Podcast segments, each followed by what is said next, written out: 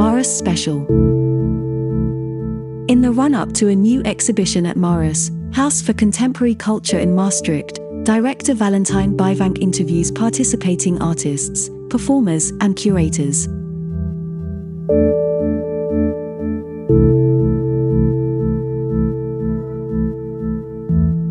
Hello, good afternoon. Hello, James. Welcome.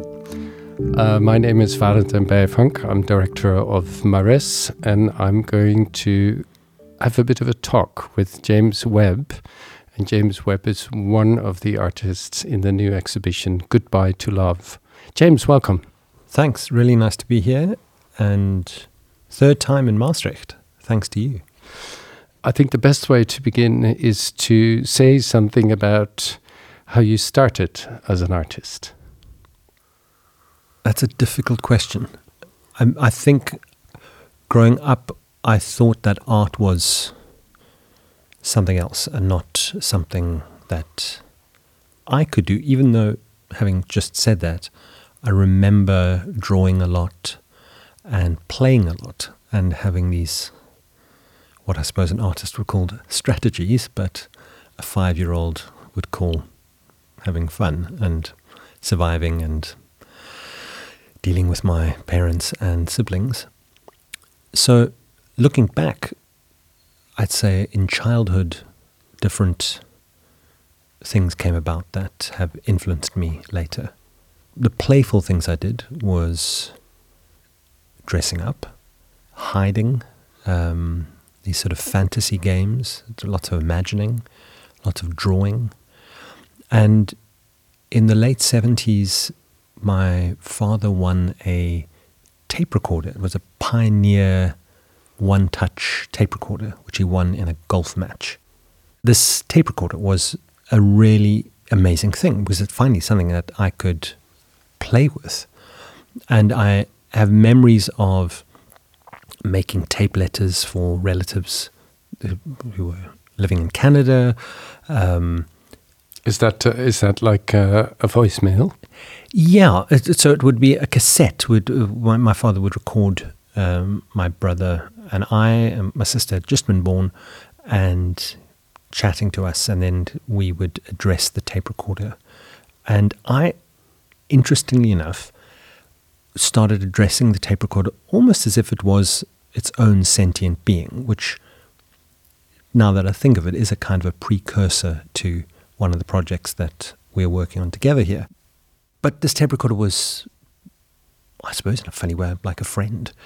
And it was a an amazing activity, and it w- opened up a, a, lot of possibilities.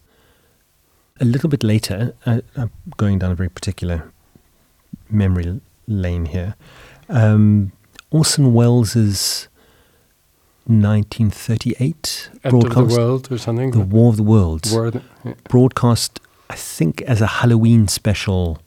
Um, I've forgotten the radio station, but it was part of his Mercury Theatre Playhouse, who did Romeo and Juliet um, or Treasure Island as radio plays.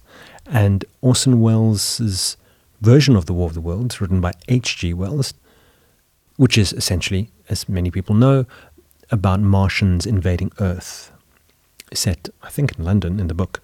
And Orson Welles transposed it to contemporary New York and did it in the style of a radio announcement. Even beginning this play with music, not mentioning it's a play or anything, beginning with music and having that music interrupted by an announcer, which is part of the script, saying literally, we interrupt this broadcast to bring you breaking news. And thus unfolds this story about Martians invading contemporary New York. And there's many stories that people responded to this. People listening, people who dialed in a little late heard this and thought like, "What's going on? What's going on?" The radio wouldn't lie to me. Uh, this can't be a joke, and took this seriously. When I heard about this piece, maybe as a teenager, it really struck me. I thought this was a really incredible work. This enorm- radio as a public medium, and here was something that I suppose has gone on to as a precursor of fake news. It really it, it had a big effect on me. That story. I was trying to imagine what it would have been like to have heard that and to have listened to it. Bearing in mind, I, w- I grew up during apartheid, so the the voice of authority was was around, and yeah, Orson Welles' program was a very interesting take on this idea of the voice of authority and what one believes in. Uh, I would like to ask you a little bit more about the apartheid later. Uh, I hadn't announced that you were South African, but maybe that's going to play a role. But if you make a link between the audio plays and the tape recorder, you already hinted at this is very similar to some of the things I do now. Could you tell me a little bit about where you picked it up again as an artist? and because your goals must have been very hmm. different at that point from the earlier experience you had.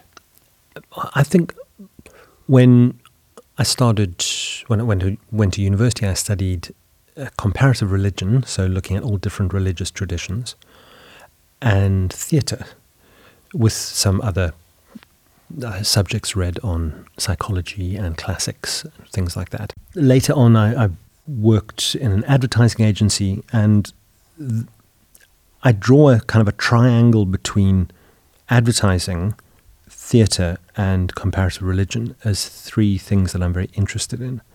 Uh, they overlap in different ways, I suppose, in ideas of presentation and belief and trust and different forms of economy. And I started making work, I suppose I was interested in music. And I'm not a good musician at all, so my interest was with um, recorded sound.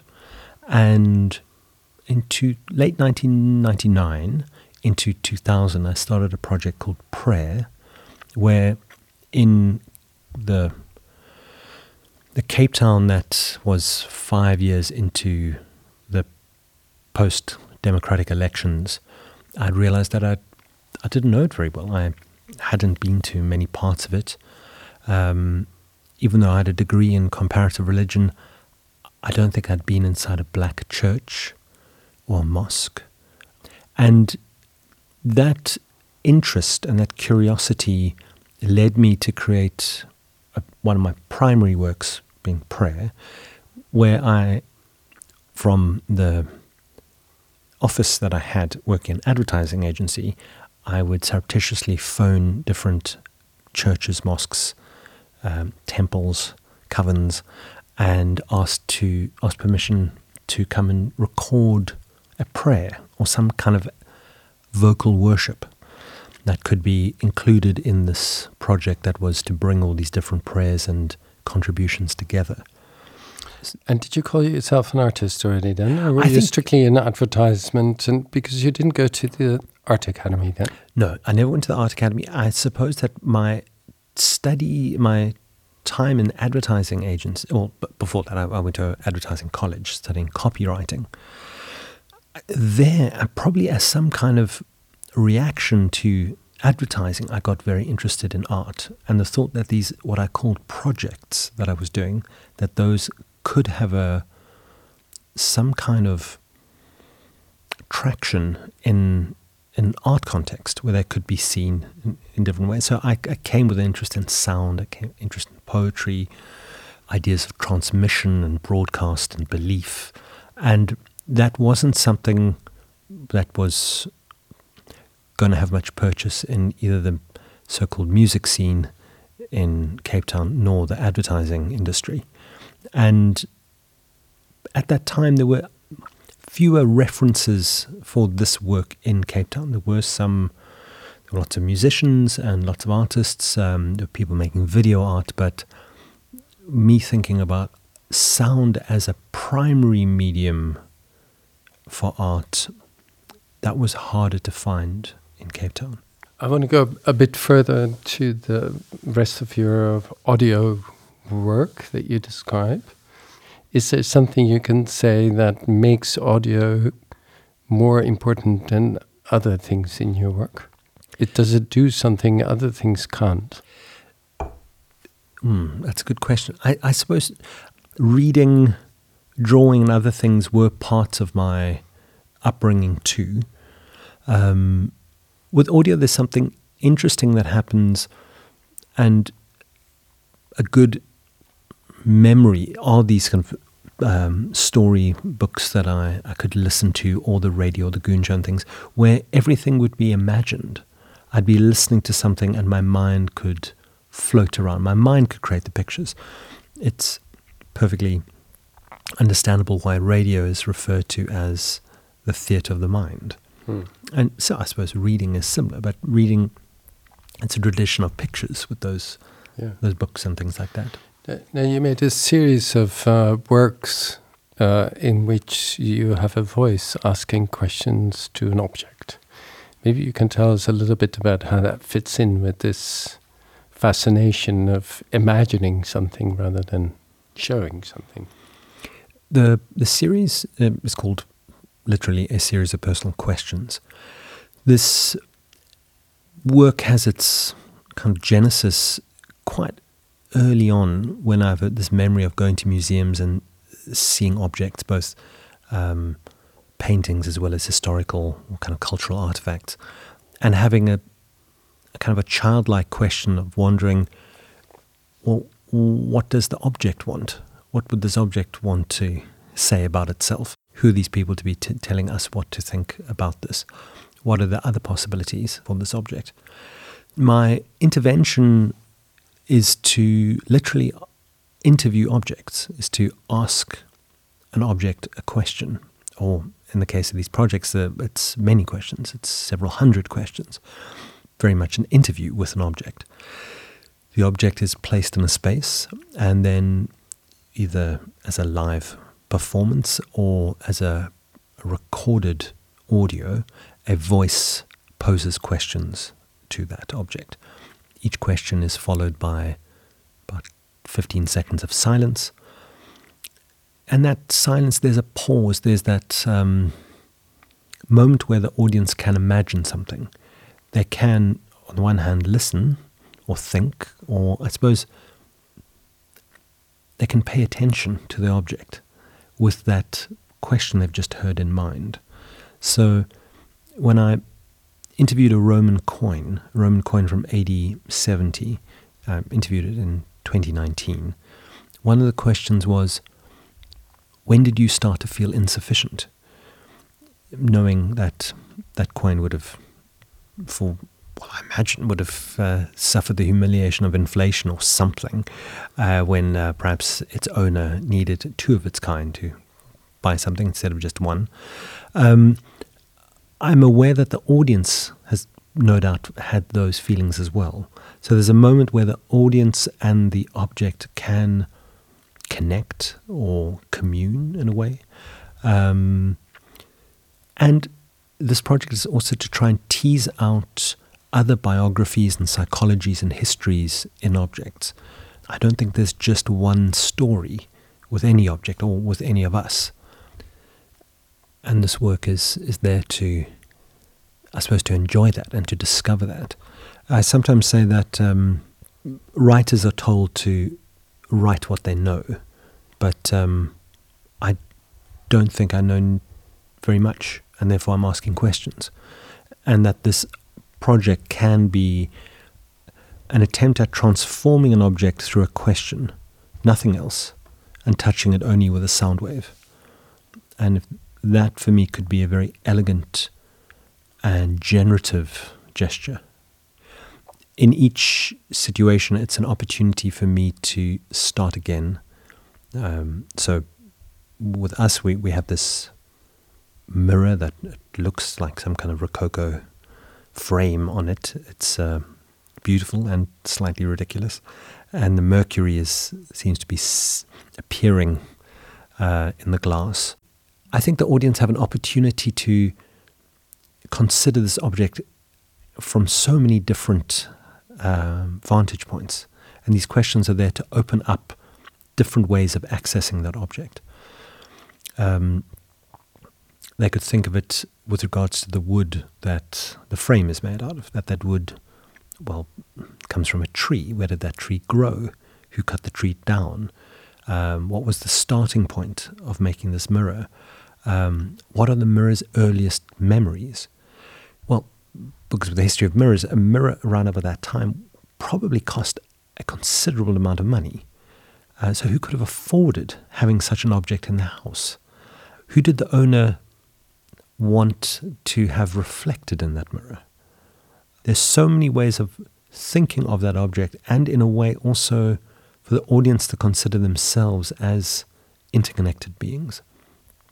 Uh, and perhaps even in some way they share some something with a mirror. And other ways where perhaps depending on the way the audience bring their projections and their own personal and internal answers to those questions which are being directed to the mirror, but the audience, of course, are forgiven for thinking it's about them or the artist as well. Um, they can start perhaps um, living with these questions a bit and kind of opening themselves up. I like that idea that the audience complete the work. Mm-hmm. Whereas, I mean, other objects that I've interviewed, I've most recently interviewed the Rhine River. So I had speakers along the riverbanks, um, just close to Monheim on Rhine. And there, I think the questions became quite historical and geological, knowing that this river historically brought people to that place. If the river wasn't there, people wouldn't be living there. Um, the river as a pathway for Vikings and Everything. Romans and Yeah. Lutheranism. That version became a little bit like the audience or the interview was with the, spirit of place. Uh, I of course saw the work in uh, or listened to the work in Lyon, and uh, I could not separate myself from the thought that those questions were addressed to me. And to me, it seemed to conjure up a world that I somehow was part of, but also held accountable to think about. And uh, one of the things that struck me, and, and I think your work addresses in various ways that question, and it's a question of belonging. Uh, but you have a work in our garden that also is relating to this, and and maybe you can tell us a little bit about it, and maybe tell also a little bit if the belonging part is a strong theme in your work. It could be, of course, my reading entirely. The theme of belonging, I think, is very strong. Um, the piece in the garden, uh, whose title is There's No Place Called Home, uh, consists of audio recordings of birdsong, but of birds that would never be found in that area being broadcast from speakers concealed in trees. And from uh, in, in the gardens at Marres, there'll be songs of a Peruvian meadowlark, which is a gorgeous bird and with a wonderful song, but you won't see the bird because it's not there. And that's a piece that I suppose it's a turning the garden into a host that is uh, looking after a stranger, a sonic stranger.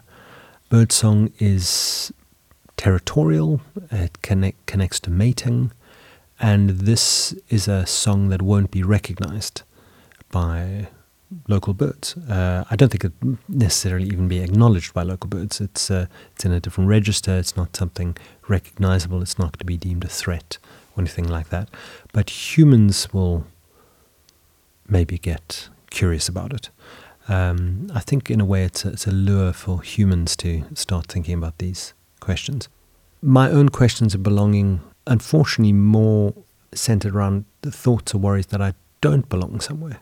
I've concentrated a lot on the on the negative or on the on the other side of that coin.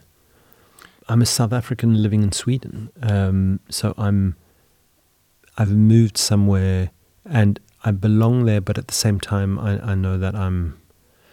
Um, I haven't got my citizenship yet. Um, the, the, these questions of belonging are, are constantly sort of popping up in my mind. There, there's something interesting also with um, belonging and sound. those tape letters that I mentioned, sending those to relatives, I imagine that the hearing of a familiar voice, a familiar accent. When I speak to friends in South Africa over the phone and I hear a familiar bird squawking out of the trees, I mean, they're interesting sort of moments. Um, and perhaps also my work has that, um, maybe in some ways, a, a connection to nostalgia, which is the kind of a pain, a longing for home. So belonging is is an interest, but I'm just like with this series of interviewing objects, I'm interested in making it more complex. That uh, even a work like prayer, you've got all these different faiths that live in that city, these faiths that have come from all over the world. That sense of belonging I have a great sense of belonging with that project, even when I'm in a new city and I'm just done these recordings. And this is a, an element of my work that I've been thinking of lately. I go somewhere and I make something that requires the help of other people. Just like I'm here, I couldn't do this exhibition at Marres without you and Rosa and everyone in the house. You were all helping me, and that's an amazing thing. I feel a sense of belonging there in a network, in a type of a family. Just come back to prayer momentarily. All these people that say yes to being recorded, all these people that contribute to the work, that's amazing. Uh, there really is a sense of belonging uh, through this generosity. So yeah, that's that's where my mind is at the moment about with belonging. Well, thank you. You're very welcome. You're very welcome to belong to us or to Marres or to yeah. No, it's very nice to have you. Um, let's talk a little bit about uh, another series of works. Um, it, it's maybe good to say at this point you very often work with series. That is, if you have an idea that that sticks, that you want to see if there's variations possible and other renderings possible of the work. One of those series is with bottles. Maybe you want to yes say a little bit about that. Of course. In 2016, I started experimenting with different texts, and I was wanting to make something with paper and wondering about different other ways of transmitting text. My Caton gallery had wondered, um, perhaps almost as a challenge, like what would it be like if I had to try making works of paper? And so I rather annoyingly started working with soluble paper, paper that could be dissolved. I thought, okay, I'll make you a paper work, but it's one that's you're not going to be able to put on the wall necessarily. So I've been transcribing texts, texts that I find, um, poetic texts, uh, diary entries. How do you things. select? Depends on the theme. Depends on what I um, am wanting to make, or sometimes it's a text that I find that. Um, I'm very interested in. And I will transcribe that text using ink uh, and either a fine nibbed pen or, or a brush. And I transcribe that text with ink onto soluble paper. And then I dissolve that paper in, in water. And the ink stains the water, and the p- paper dissolves into a mushy pulp.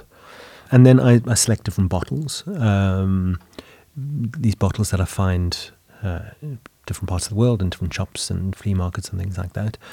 And the combination of the text and the bottle creates quite an interesting mental image, as well as this idea that a text might be able to take on the properties of water.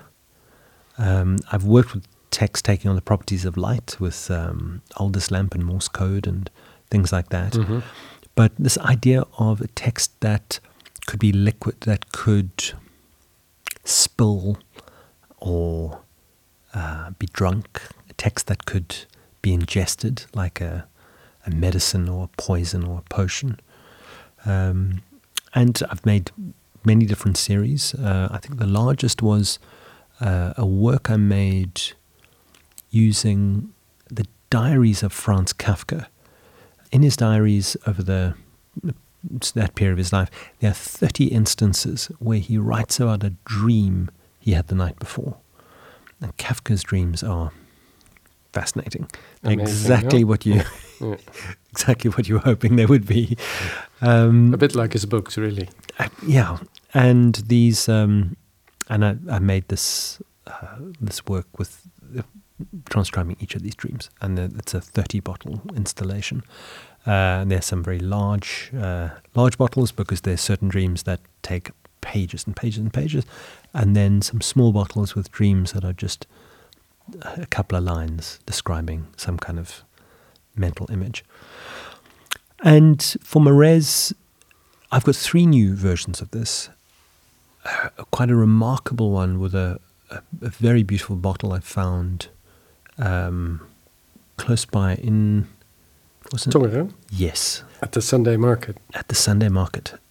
It's a bottle that I think was like an old traveling flask or something, but it's glass and it's got a silver stopper. It's got a kind of an oval base, so you have to lie it down horizontally. With the theme of Goodbye to Love, I I managed to find a, a very quite an extraordinary letter, a letter written by Yasunari Kawabata, the uh, late Japanese writer, died in 1972. He was a recipient for the Nobel Prize for Literature.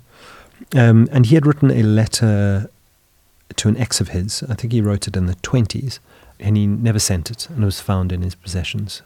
And it's an extraordinary letter, and this thought of an unsent letter, and what that would mean. Um, an unsent letter, it's almost like a rehearsal. It's a, it's a test. It's Could you say something about what's in the letter? Is it a love letter? Is it like yes, in a, in a manner Yeah. of speaking, it, it is. And he's asking why his ex partner hasn't written to him and um, that he misses her and that he's concerned and he's trying to make plans with her. Um, I think it the letter, in a way, was almost a rehearsal. I think we, we often. It's like a draft towards something. Maybe it's a way of thinking when, when people speak about writing a problem out to um, get an idea down. So it's something that wasn't sent, but it's still it's an extraordinary text.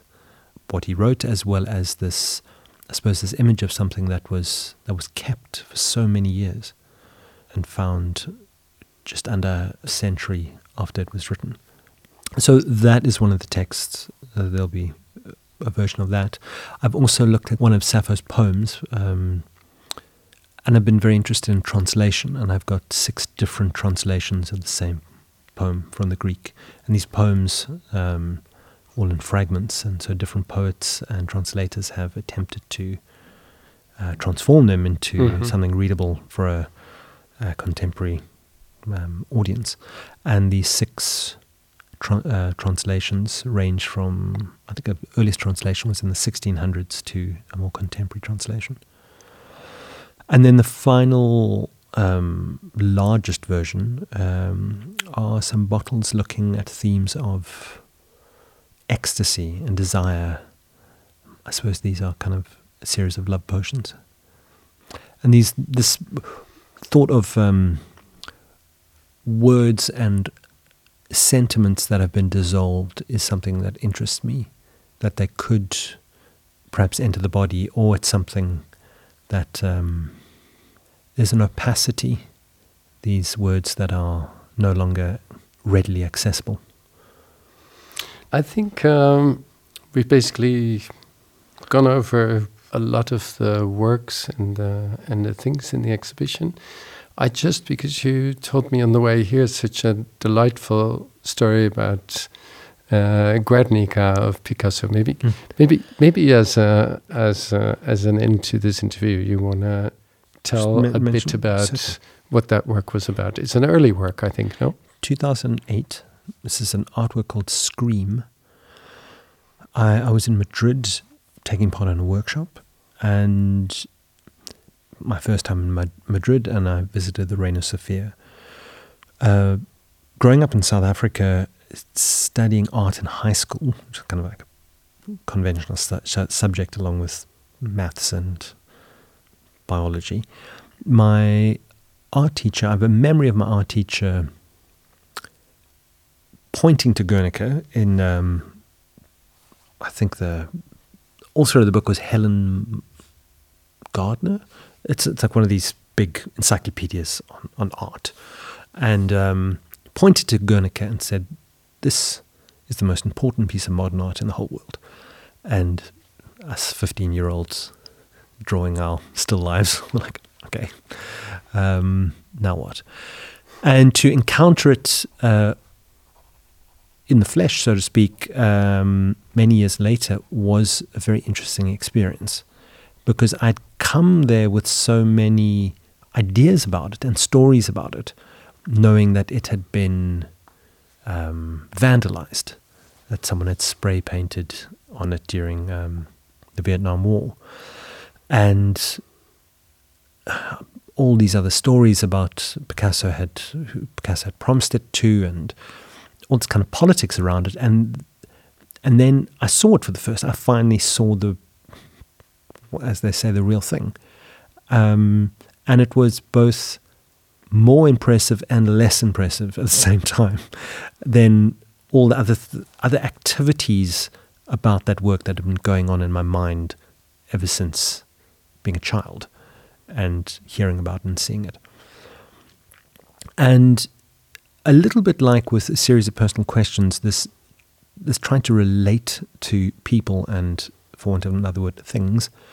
Um, I wondered how one should approach, or how, what is the correct is not quite is not the correct word, but what are ways to like be with this painting or respond to this painting? I mean, later on, as you know, I ask things questions, um, and I came up with the thought: well, what makes the most sense is to scream at this painting, and I managed to get permission to have um, different people, including some of the museum guards and one of the curators, to meet me the next morning and to have an opportunity to scream at Guernica. So each person was allowed into the the room, uh, Guernica's room, uh, to have a moment themselves in front of the painting, um, which is quite something. Because the room is extraordinary. The room is amazing, and I think the room adds to the grandeur of this work. Uh, it's very well installed to give this sense of majesty and tragedy. And each person had their moment alone in front of the painting, and when they were ready, they could scream. Because the Picasso family owned the rights to the image, the painting's image, I wasn't allowed to photograph it or make a video recording of it, but I could make an audio recording of this. And in the audio recordings, you can hear the size of the room because the acoustics are large. Um, these stone marble floors of um, many Spanish museums, the Reina Sofia in particular, uh, create very big acoustics. It's been shown quite a few times over the last 15 years. It's it's an old favorite of mine, and I think it's it's a precursor, like I said, to a series of personal questions and this relationship between sound and object and action, playing on these themes of trying to commune with something or trying to address something, trying to reach we've something. Been, we've been talking about uh, those questions, and one of the things you said is that um, these questions remain unanswered, right? In this work with the mirror, the mirror, of course, doesn't answer. La Guernica doesn't answer either, but maybe you want to. There's also the possibility that you turn it around and you say, these are not questions, these are answers posed. The scream is an answer to La Guernica, or it's a, it's a, it's a, it, it's like an ambition to be on the same level somewhere of something, some impulse that comes to you. I think that the scream is a type of answer. It's a reaction, uh, and I think the questions to different objects are also reactions because these are me wanting to find out things. I'm asking questions that I genuinely want to know the answer to. But yet, with scream, that that response to the painting, I think it was a, a it was a kind of an action. It was also a response to the artist. It was a response to the um, bureaucracy, to the architecture. Um, to that whole situation of being in this room with Guernica it was a response to my art teacher from 1990. Um, the questions, I think, as I've gotten older and I'm trying to learn to live with uncertainty more, um, the questions are a very useful and almost therapeutic way of maintaining some kind of connection with that object. Um, it's I think of it as kind of a collaboration between myself and that mirror. One of the questions to the mirror is, "What are you here to teach us?" I'm I'm excited to think what those answers could be, and I think that those answers, even just for that question, will be changing. Um, but those questions, I think, remain quite interesting.